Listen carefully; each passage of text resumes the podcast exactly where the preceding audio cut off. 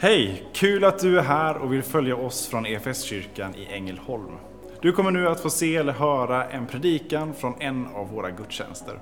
Har du några frågor eller vill veta mer om oss som kyrka så kan du alltid gå in på www.efskyrkan.info. Vill du ha tillgång till mer undervisning eller ta del av våra inspelade konferenser eller gudstjänster gå gärna in på vår Play-kanal, efskyrkan.tv. Nu ska vi lyssna på denna veckas predikan. Pingstdagen. Vad är det vi firar denna högtid? Ja, ingenting, om man frågar svensken. Ja, det är väl sommaren då och kanske ett och annat bröllop. Pingsten, bortglömd i eh, samhället, skulle jag säga, eh, ibland också bortglömd i kyrkan. Och samtidigt så är det en av de äldsta högtiderna vi har. När var den första pingsten? Får jag ett bud? Jag nämnde innan pingsten för eh, 2000 år sedan ungefär. Det är pingstdagen som vi tänker på när vi talar om det. Men de firade pingst då, en pingst som de hade firat i tusentals år, när anden kom och gjorde det till den pingsten som vi har lärt känna och den som vi, som vi firar. Men pingsten var en, en högtid som var igång. Eh, man samlades i templet och det var kulmen på egentligen hela vårens judiska högtider eller bibliska högtider. Som börjar med påsken och sen så fortsätter med det osyrade brödets högtid, eh, med förstlingsfruktens högtid som sammanfaller ungefär med Kristi himmelfärd. Jesus som den första frukten eh, av det här nya riket som tas upp till himlen. Och så kulminerar de här vårhögtiderna med pingsten. Också det en, en skördehögtid. Man avslutade och tackade för kornskörden och så bad man om välsignelse och såg fram emot veteskörden som precis skulle sätta igång.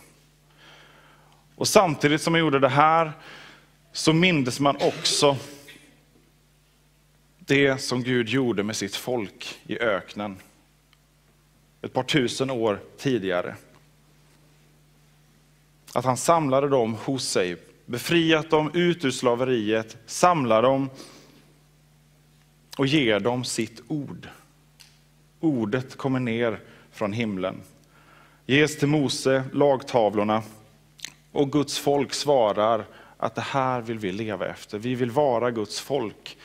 Vi vill leva efter Guds ord. Vi vill vara Guds ords folk. Och så blir de där också den första skörden av någonting nytt som påbörjas. Där sluts ett förbund, där skapas ett folk. Vi tänker kanske, om man har hört berättelserna om, Eh, om uttåget ur Egypten och det som vi firar eh, under påsken, att det handlar om eh, ett folk som, som blir slavar och sen så befrias de och så fortsätter de ut där. Men faktum är att det också nyskapas någonting där ute. Just på pingsten, den första pingsten. I Silver. Där är också där församlingen föds, kan man säga. Innan det så är det ett folk, en klan som har vuxit sig enormt stor. Som känner Gud i någon mån. Har haft ledare och företrädare som har känt Gud. Men man har glömt bort vem Gud är. Under sin tid av nöd, under sin tid av eh, hårt arbete, av slaveri, så har man också glömt vem Gud är. Funnit sig i sin nya tillvaro, funnits i den här egyptiska avgudatillbedjan, men man ropar ändå ut sin nöd. Och trots att man kanske har glömt vem Gud är, och funderar på om han har glömt folket, så ropar man ut i nöd och Gud svarar. Och när han har fört dem ut ur slaveriet, när han har befriat dem, då formar han ett folk av dem. För det är nämligen så att det är inte bara Abrahams barn som, som följer med ut i Egypten, utan det står att en stor blandad folkhop följde också med hebreerna ut ur Egypten. Och där så låter man omskära alla de som inte var omskurna och så blir de det här folket, Guds folk, Israel. Från klan till folk. När vi möter pingsten i apostlagärningarna så är det detta som, eh, som finns i ska säga, botten eller i, i bakhuvudet hos de som, eh, som firar eh, pingsten i templet. För lärjungarnas del så är det också påskens händelser som ligger. Man har fått möta den uppståndne Jesus. Man har fått se att livet har övervunnit döden. Men ändå så kan vi ana att man, man har inte landat i det. Om det är svårt att smälta en årskonferens så förstår vi också att det kan vara svårt att smälta att ha mött en uppståndne Jesus. In i det här så, så läser vi från Apostlagärningarna 2. När pingstdagen kom var de alla församlade. Då hördes plötsligt från himlen ett dån som av en stormvind, och det fyllde hela huset där de satt. De såg hur tungor som av eld fördelade sig och stannade på var och en av dem. Alla fylldes av helig ande och började tala andra tungomål med de ord som anden ingav dem. I Jerusalem bodde fromma judar från alla länder under himlen. När dånet göd samlades hela skaran och förvirringen blev stor när var och en hörde just sitt språk talas. Utom sig av förvåning sa de, men är de inte galileer allesammans, dessa som talar? Hur kan då var och en av oss höra sitt eget modersmål talas? Vi är parter, meder, elamiter, vi kommer från Mesopotamien, Judeen och Kappadokien, från Pontos och Asien, från Frygien och Pamfylien, från Egypten och trakten kring Kyrene i Libyen. Vi har kommit hit från Rom. Både judar och proselyter. Vi är kretensare och araber. Och ändå hör vi dem tala på vårt eget språk om Guds stora gärningar.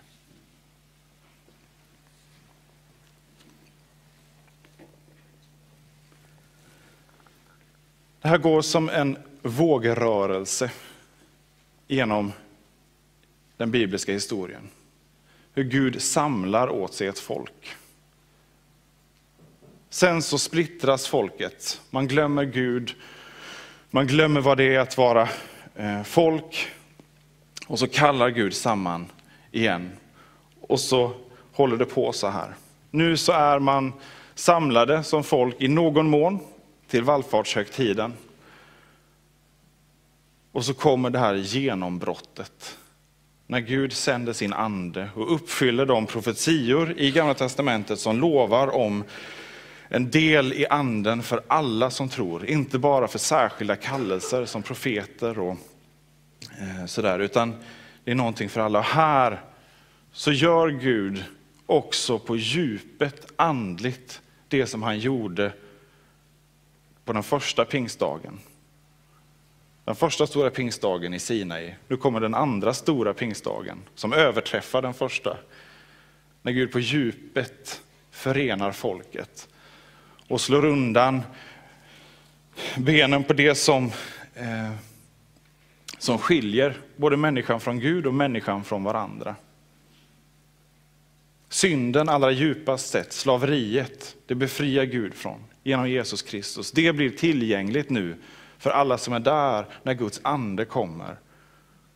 Och budskapet om Jesus, vad påsken faktiskt innebär på djupet, andligt sett, det blir nu tillgängligt för de som är samlade.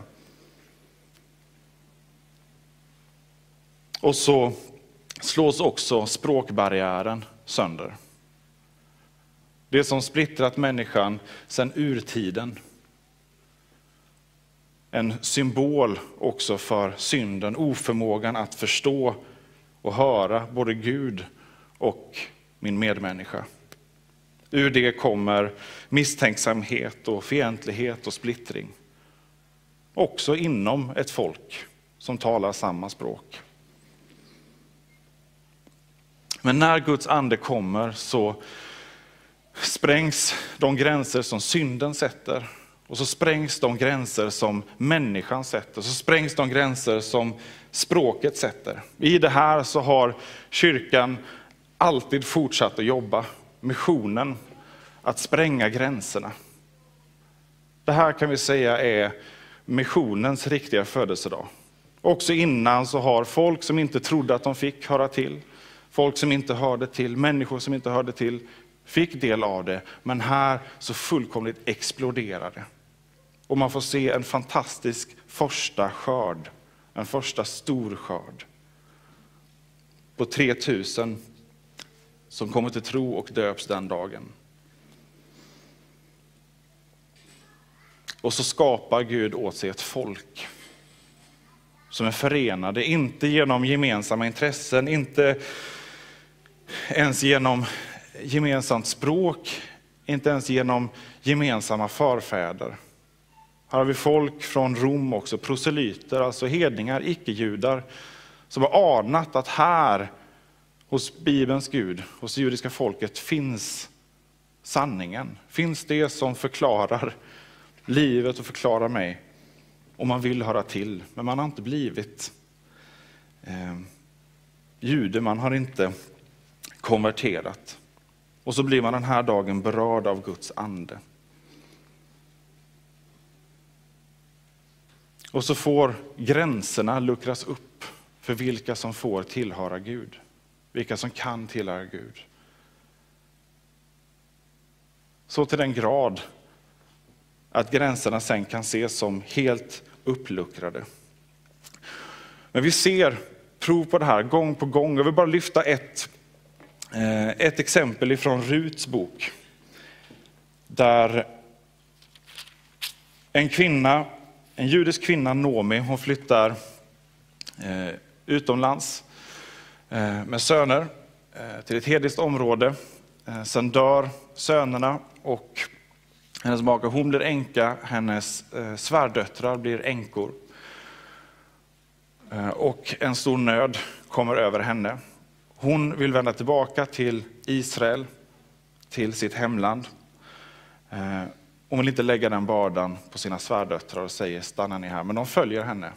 De följer henne i princip till gränsen och sen så är det en som till slut följer henne också hela vägen. Noomi vet vad det innebär att vara uppdragen ifrån sina rötter. Hon har levt i främmande land. Hon vet vad det innebär att känna att jag hör inte till riktigt. Jag, nu spekulerar jag här, jag tror att det ligger bakom eh, när hon säger till eh, sina svärföräldrar. Och sen Rut som också säger att, eh, att jag vill följa med dig hela vägen. Noomi säger så här i kapitel 1, vers 15. Du ser att din svägerska vände tillbaka till sitt folk och till sin Gud. Följ med henne tillbaka. Men Rut svarade, tvinga mig inte att överge dig och vända tillbaka. Dit du går, går också jag. Och där du stannar, stannar jag. Ditt folk är mitt folk och din Gud är min Gud. Där du dör vill jag dö och där vill jag bli begraven. Herren må göra mig vad som helst, endast döden ska skilja oss åt. Delar av det här är ett vanligt bibelord att läsa på vigslar och visar på den djupa föreningen och överlåtelsen som, eh, som det innebär mellan man och kvinna när man lovar varandra den här troheten. Det kommer från en helt annan konstellation från början. Men samma överlåtenhet, samma djupa koppling finns också i tillhörigheten till Guds folk. Det är inte vilket folk som helst. Och Rut, hon ser det här och hon är också såklart i en nöd. Och jag tror att nöden kan få användas av Gud för att göra det synligt också vad vi bär på för inre nöd. Den yttre nöden av att vara änka, av att inte kunna försörja sig, av att ha en fullständigt osäker framtid. Den blottar också den inre nöden. Och här handlar det Inte bara om familjetillhörigheten, utan det handlar om att din Gud är min Gud. Ditt folk är mitt folk. Och det är en chansning för Rut som hedning att hänga på, som änka utan någon som kan försörja. Otroligt utsatt position på den här tiden. Och så går hon och samlar eh, ax i utkanten av fälten. Eh, ett av buden som gavs på Sinai till Israels folk var att skörda inte allt. Ni ska lämna en stor portion i utkanten av fälten så att de som inte har kan gå och samla. Och det är vad Rut gör. Och så får hon möta Boas som eh, äger det här. Och hon, eh, eh, ja, hon, hon tvingas ju visa sin nöd för honom. Och det hon möter hos honom är Guds förbarmande. Lite längre fram i 2.12 så står det så här. Det är Boas svar till Rut. Må Herren löna dig för vad du har gjort. Ja, må Herren, Israels Gud, ge dig allt vad du förtjänar när du nu har kommit för att söka skydd under hans vingar.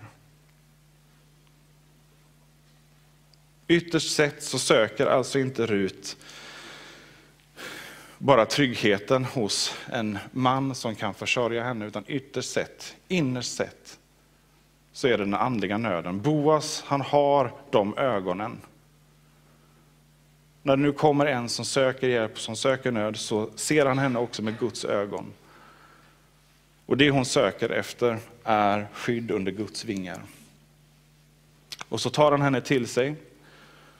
Han är ledig, så det blir de två. Och det är nästan en liten Disney-historia eh, man får läsa om här. Men ytterst sett så handlar det om hur Gud möter den som är i nöd och som söker honom. Även om man är så långt borta från honom så att man inte tror att man har tillträde eller tillgäng, eh, att han är tillgänglig. Det här leder sen till några generationer senare att kung David föds, som i förlängningen också led till att Jesus föds. Ruts nöd, att hon söker och att hon finner barmhärtighet leder också till att Jesus Kristus kan födas i Davids släkt. Och så ser vi hur det som Gud börjar i en man, Abraham, det går sedan vidare och blir ett folk i Sinaiberg där många fler får bli inkluderade.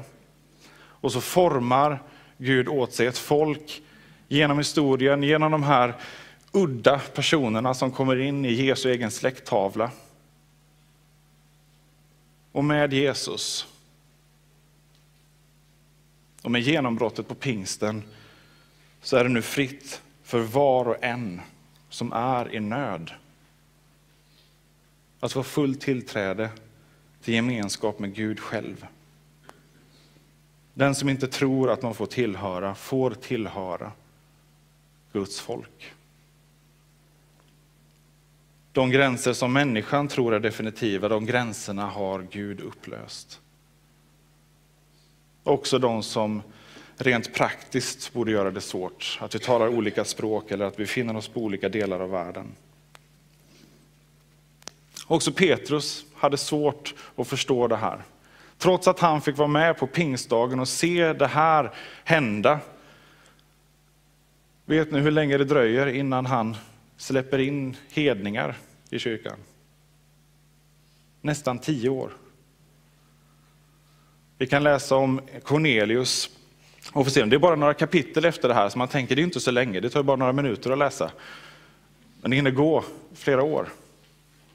Och Gud måste ge honom en syn när han är i hunger och i fasta för att han ska förstå att det som du varit med om, det som du har levt i och predikat nu i flera år, det är så mycket större än vad du hittills har sett, än vad du hittills har kunnat tro. Det här är för hela världen.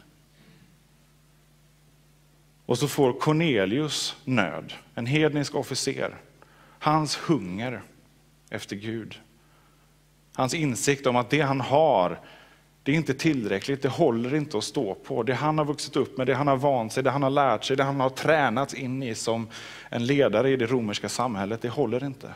Det räcker inte.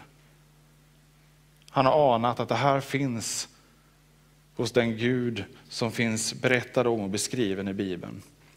Den här hungern använder Gud för att vidga Petrus perspektiv och sen vidga hela kyrkan. Till att inte bara från pingstdagen i vad ska jag säga, teorin, nej men i, där blir det proklamerat, där blir det tydligt för oss som ser i efterhand. Men i praktiken sker det inte förrän flera år senare.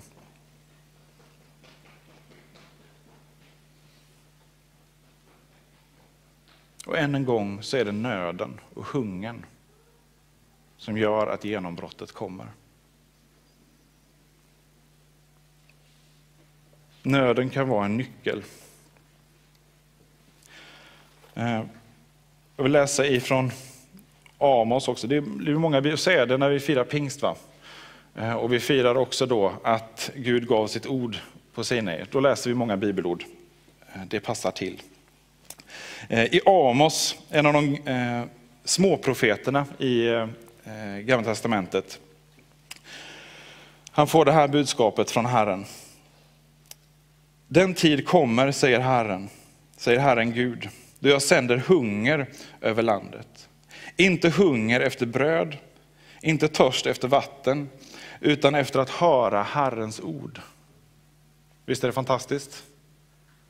Men då ska de irra från hav till hav, driva omkring från norr till öster och söka efter Herrens ord, men de ska inte finna det. Den fortsättningen hoppar man gärna över. Det låter så fint det första. Men det här är verkligheten. Att vår nöd kan väckas och vi kan drabbas av existentiell ångest. För att vi ser att den här världen är, den är trasig, det här mitt liv, det håller inte. Och så kommer en hunger, en nöd efter att få höra Herrens ord. Man kanske inte vet om att det är just Herrens ord. Man har den här nöden efter att få höra.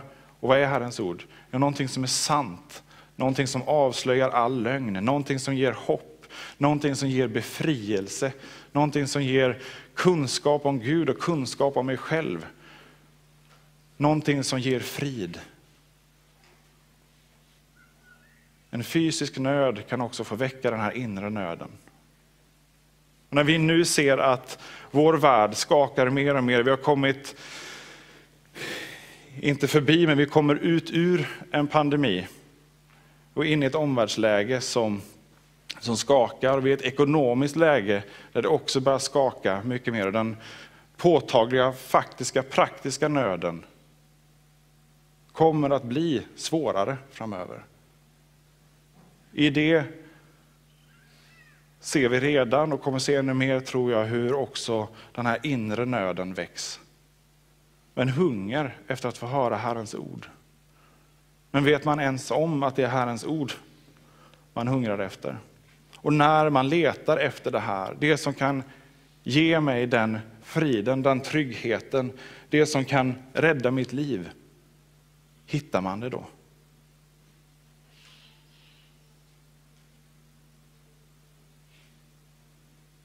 För vem är det som bär ut Guds ord till jordens yttersta gräns? Det är kyrkan. Det är det som är vårt uppdrag. Vår kallelse som kyrka, som kristna, är att möta den här nöden. Och att se till att när människor hungrar efter det här, att de också får det sträckt till sig. Också här hänger den fysiska och den andliga nöden tillsammans. Därför så har sann mission alltid inneburit bröd och ord. Det går inte att separera. Vi kan inte se människors fysiska nöd och bara tillgodose den andliga nöden. Men vi kan se också att den fysiska nöden kan få bli använd av Gud. Och när vi som västvärld, och nu talar jag som kollektiv, jag vet att det här inte gäller för alla, men när vi som västvärld har det gott ställt, har vårt trygga på vår plats, så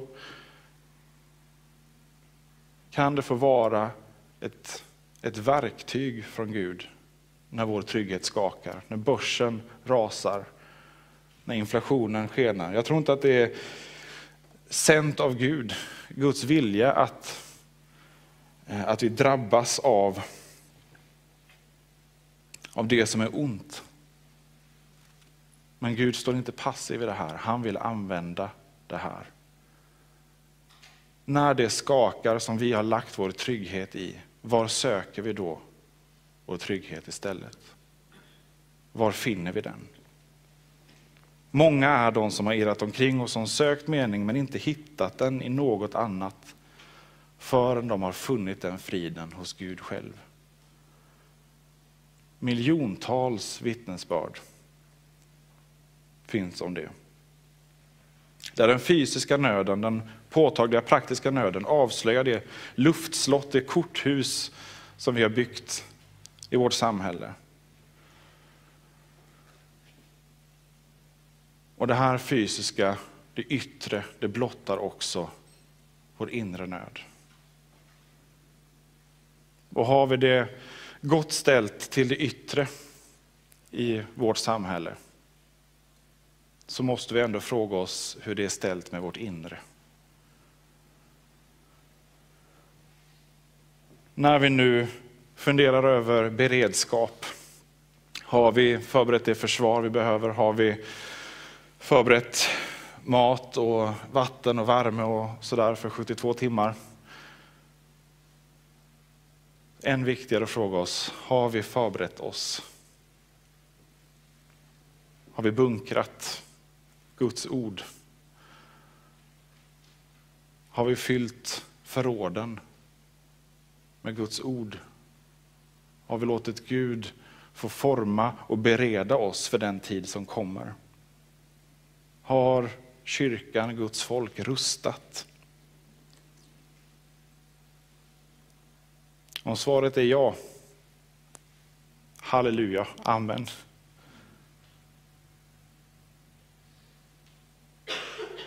Men jag tror att ni är många som med mig känner att det är lite skakigt.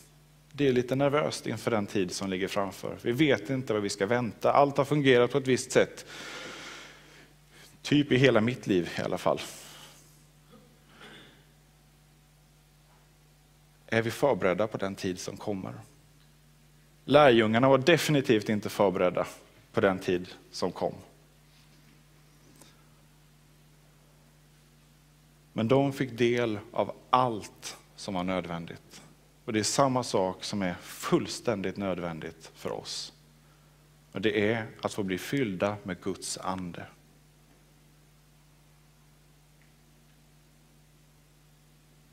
Att bli fylld med Guds ande.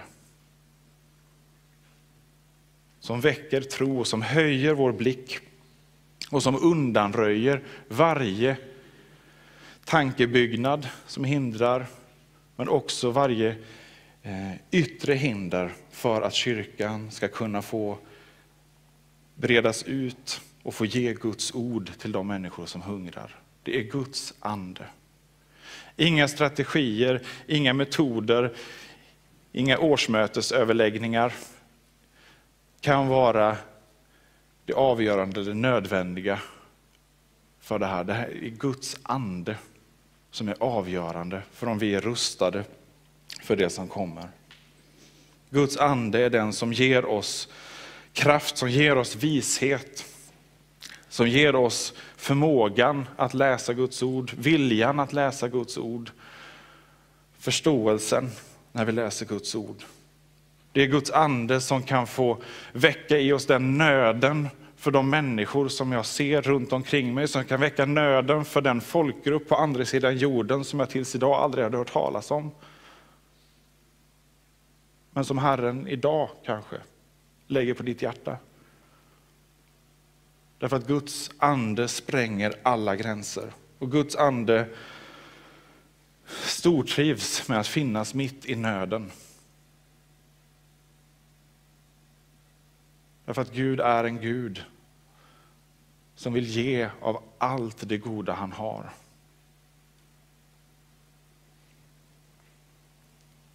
Fysisk och andlig nöd är inget hot mot Guds ande. Det är en plats där Guds ande vill få komma och få fylla. Och då frågar vi, har vi inte redan helig ande? Har vi inte det? Jag tror, jag är döpt. Absolut. Vi har givit Guds ande som gåva i dopet, men gång på gång så behöver vi fyllas av anden igen. Få uppfyllas, få genomsyras. Vi läser gång på gång i eh, apostlärningarna om hur eh, lärjungarna, apostlarna, eh, fylls av Guds ande, fylls på nytt inför kanske ett särskilt gränsöverskridande. Klivet in i en ny stad eller en ny folkgrupp eller Eh, inför mötet med en specifik person så fylls de av Guds ande så att de kan tala, inte av sitt eget, men av det som Gud ger. Och I Efesierbrevet 5 och 18, det här är sista bibelversen vi läser nu, eh, så skriver Paulus så här. Berusa er inte med vin, där börjar lastbarheten, utan låt er uppfyllas av ande. Och tala till varandra med salmer och hymner och andlig sång. Sjung och spela för Herren av hela ert hjärta och tacka alltid vår Gud och Fader för allt i vår Herre Jesu Kristi namn. Låt er uppfyllas av ande.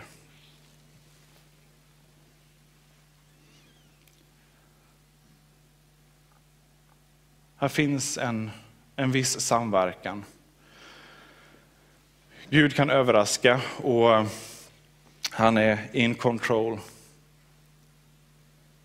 Men det verkar som att han längtar efter när vi bjuder in honom och när vi söker honom. Därför tror jag Paulus uppmanar just det här, låt er uppfyllas av anden. Att söka att få bli uppfylld, genomsyrad av anden. Vi lever kanske våra liv ofta där det blir lite, lite skvätt av helig ande. En bibelvers här och en gudstjänst där men ett liv genomsyrat av anden. Där vi får liksom bli doppade i, i badet igen. Det blir som en, en dopförnyelse varje gång vi får bli fyllda av anden igen. Det är förutsättningen för kyrkan. Det är förutsättningen för att folket ska kunna vara folk. Det är förutsättningen för att vi ska kunna spränga gränser. Det är förutsättningen för att vi ska få se nästa skörd. Skörden finns där. Vi blir förberedda för den, att hämta in den och att gå ut och sträcka Guds ord till den som hungrar och skriker efter frid och mening.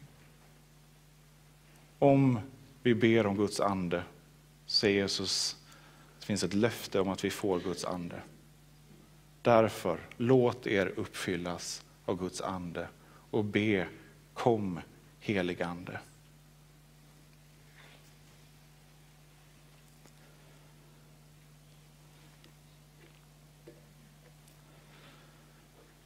Och vi ska få bereda plats nu. Bereda plats i vårt hjärta för den heliga Ande. Vi ska få be och bekänna vår synd och lita på att Gud hör oss, att han förlåter oss och att han på nytt fyller oss med frimodighet och med ande. Som kyrka är det en glädje att få spela en liten roll av allt Gud gör i och genom ditt liv. Vi vill gärna fortsätta följa dig på den resan. Och vill du ta reda på vad ditt nästa steg kan vara på din resa med Gud så gå in på efskyrkan.info nästa steg. Vår längtan är att få se människor och samhällen förvandlade av Jesus. Genom en kyrka som återspeglar Guds hjärta bär varandra och betjänar människor varhelst vi befinner oss varje dag.